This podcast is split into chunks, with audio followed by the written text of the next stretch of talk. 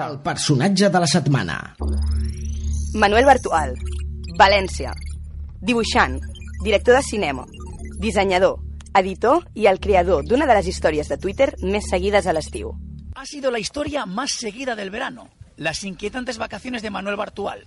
Todo empezaba con este tuit. Ando de vacaciones desde hace un par de días en un hotel cerca de la playa. Iba todo bien hasta que han comenzado a suceder cosas raras. El suspense ha durado más de 300 tweets, seis días que han contribuido a que su fama en Twitter se dispare. Ahora Manuel Bartual tiene 400.000 pares de ojos que le siguen y nunca se sabe dónde surgirá la siguiente historia.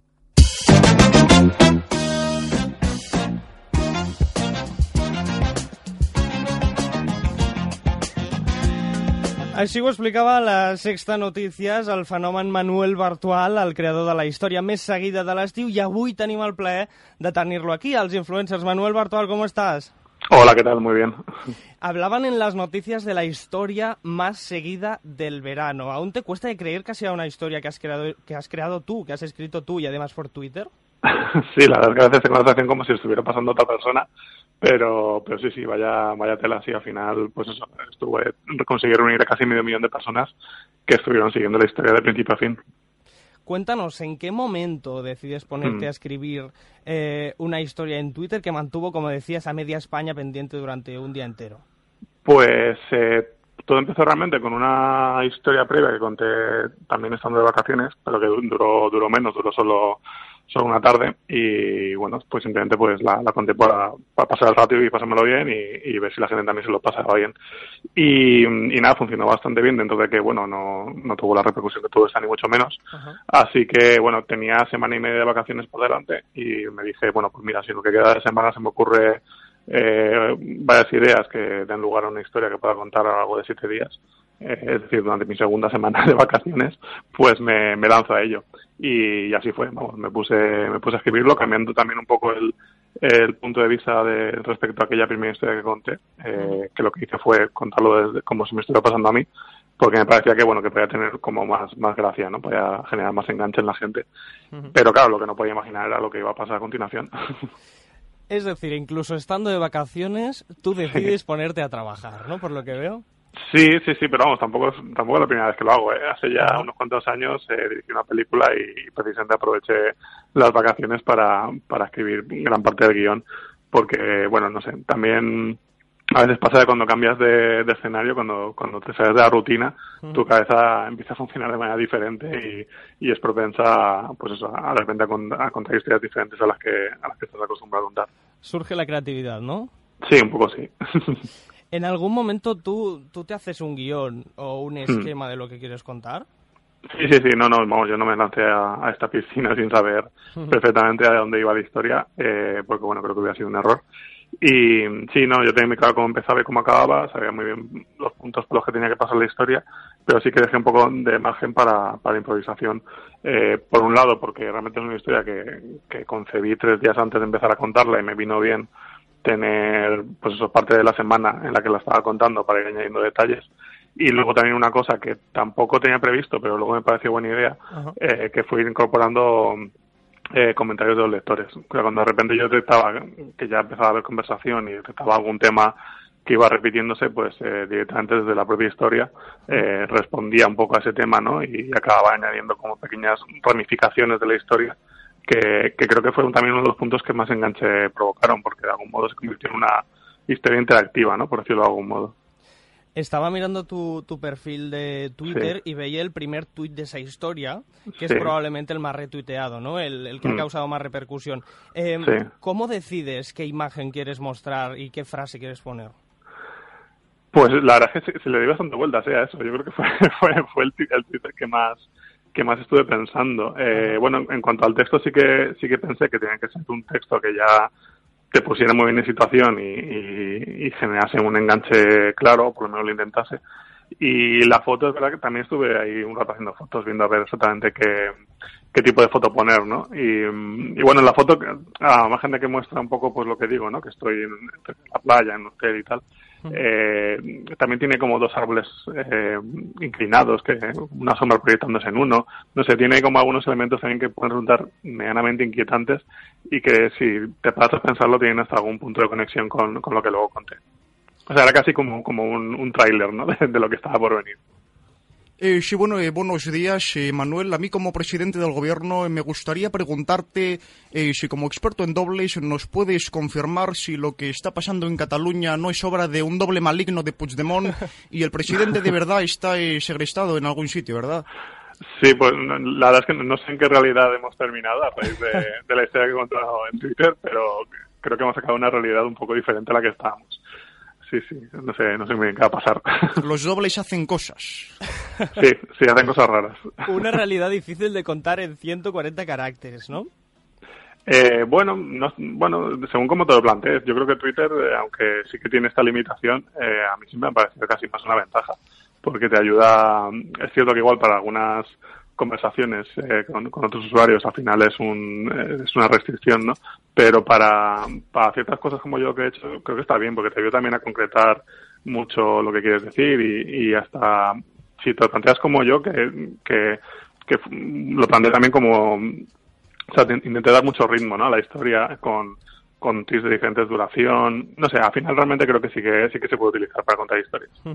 Hay un hecho muy cur- curioso que creo que nos pasó a, a todos, sobre todo a los Sí. que leíamos la historia en directo. En un primer momento nadie sabía si lo que estabas contando era verdad o era mentira, Sí. pero poco a poco, evidentemente, podíamos intuir que todo aquello era, era falso, ¿no? Pero aún así, la gente seguía pendiente de lo que contabas. ¿Lo has notado tú también eso?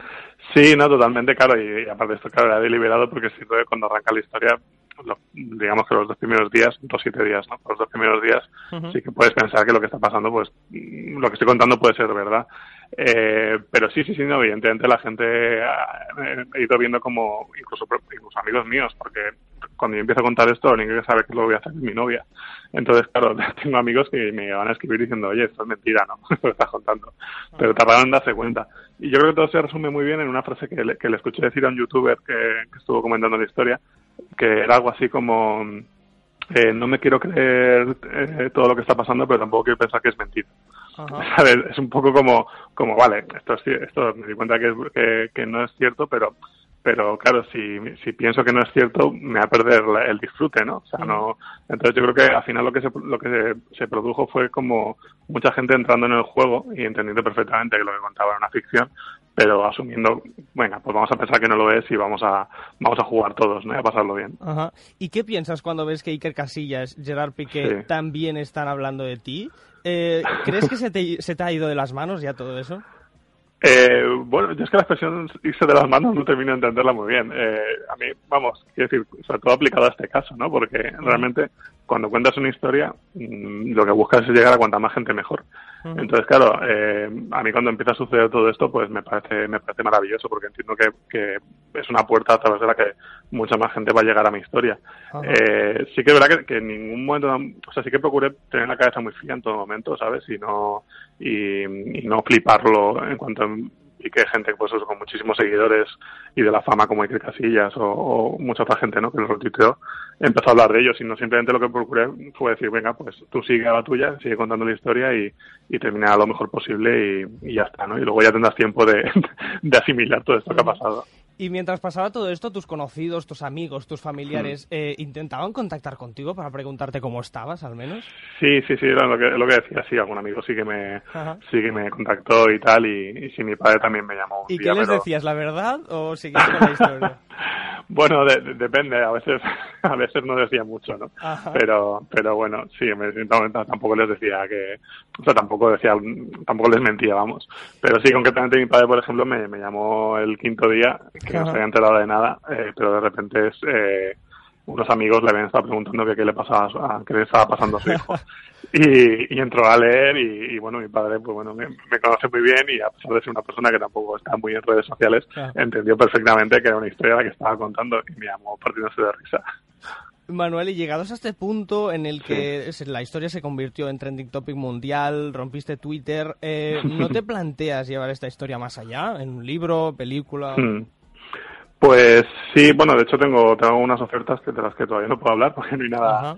del todo concretado, pero sí que puedo ya decir que estoy escribiendo una, una novela Ah, que, que bueno, tenéis la exclusiva, ¿eh? no Tenemos todavía. exclusivas. Estás escribiendo una novela. Sí, estoy escribiendo una novela eh, que, bueno, tiene cierta conexión con, con lo que conté con lo del conteste verano. Y ¿Sabes bueno, ya eh, el título o algún detalle que... Sí, pero todavía no puedo contar nada. sí, no, no, pero sí ha sido, y, vamos, no es algo que tuviera que tuviera previsto, eh, ha sido un poco a raíz de a raíz de todo esto. Y nada, llevo ya unas semanas encerrado eh, escribiendo. De hecho, ahora mismo estoy, estoy en Sitges, que he venido unos días a, Festival de Cine, y, estoy justo enfrente de la playa ahora mismo, en un apartamento escribiendo. Un sitio inspirador, ¿eh? sí, totalmente. ¿Y cuándo vamos a poder escuchar novedades sobre esta novela? Mm, dentro de unas semanas creo que ya, ya se podrán contar algunas cuantas cosas. Así que que la gente esté pendiente de mi Twitter, que en cuanto pueda contaré, contaré detalles. Manuel, para ir terminando, nosotros cada semana eh, queremos hacer una sorpresa a nuestro invitado y esta es la de esta semana. Am Roger Jamí. Roger Jamí, ¿cómo estás? ¿Cómo estás, Marcus?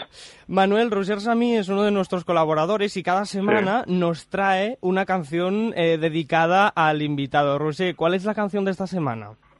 Pues esta vez hemos escogido la canción No dejes de soñar de Manuel Carrasco. Creo que es una, una canción muy adecuada ¿no? con, con todo lo que hizo Manuel y con todo su proyecto. Al final las personas no tenemos que dejar nunca de soñar porque si no se nos acaba la ilusión y la vida. Esto corresponde mucho con la historia eh, de Manuel, ¿no? Lo que decíamos antes, que incluso sabiendo nosotros que la historia era mentira, nosotros seguimos soñando, podríamos decir, eh, considerando que todo eso era verdad, ¿no? Pues sí, de hecho, por eso hemos escogido esta canción, además de Manuel Carrasco, seguro que, la conoce, y espero que le encante, a ver si le gusta. Manuel, ¿qué te parece la lección? Pues, pues es, que no le, no le oigo. No le oyes, vale. solo, solo, escucho tu réplica. Vale, pues te cuento. Rosé ha elegido la canción No dejes de soñar eh, para dedicártela para terminar la entrevista. Ah, muy bien. Pues nada, muchas gracias. ¿Te parece bien? sí, sí, perfecto. Pues lo dejamos aquí. Roger Sami, muchas gracias. Gracias a vosotros, Marcus. Y Manuel, también muchísimas gracias a ti y estaremos atentos a esta novela. Venga, muchas gracias. Muchas gracias, Manuel. Venga, hasta luego.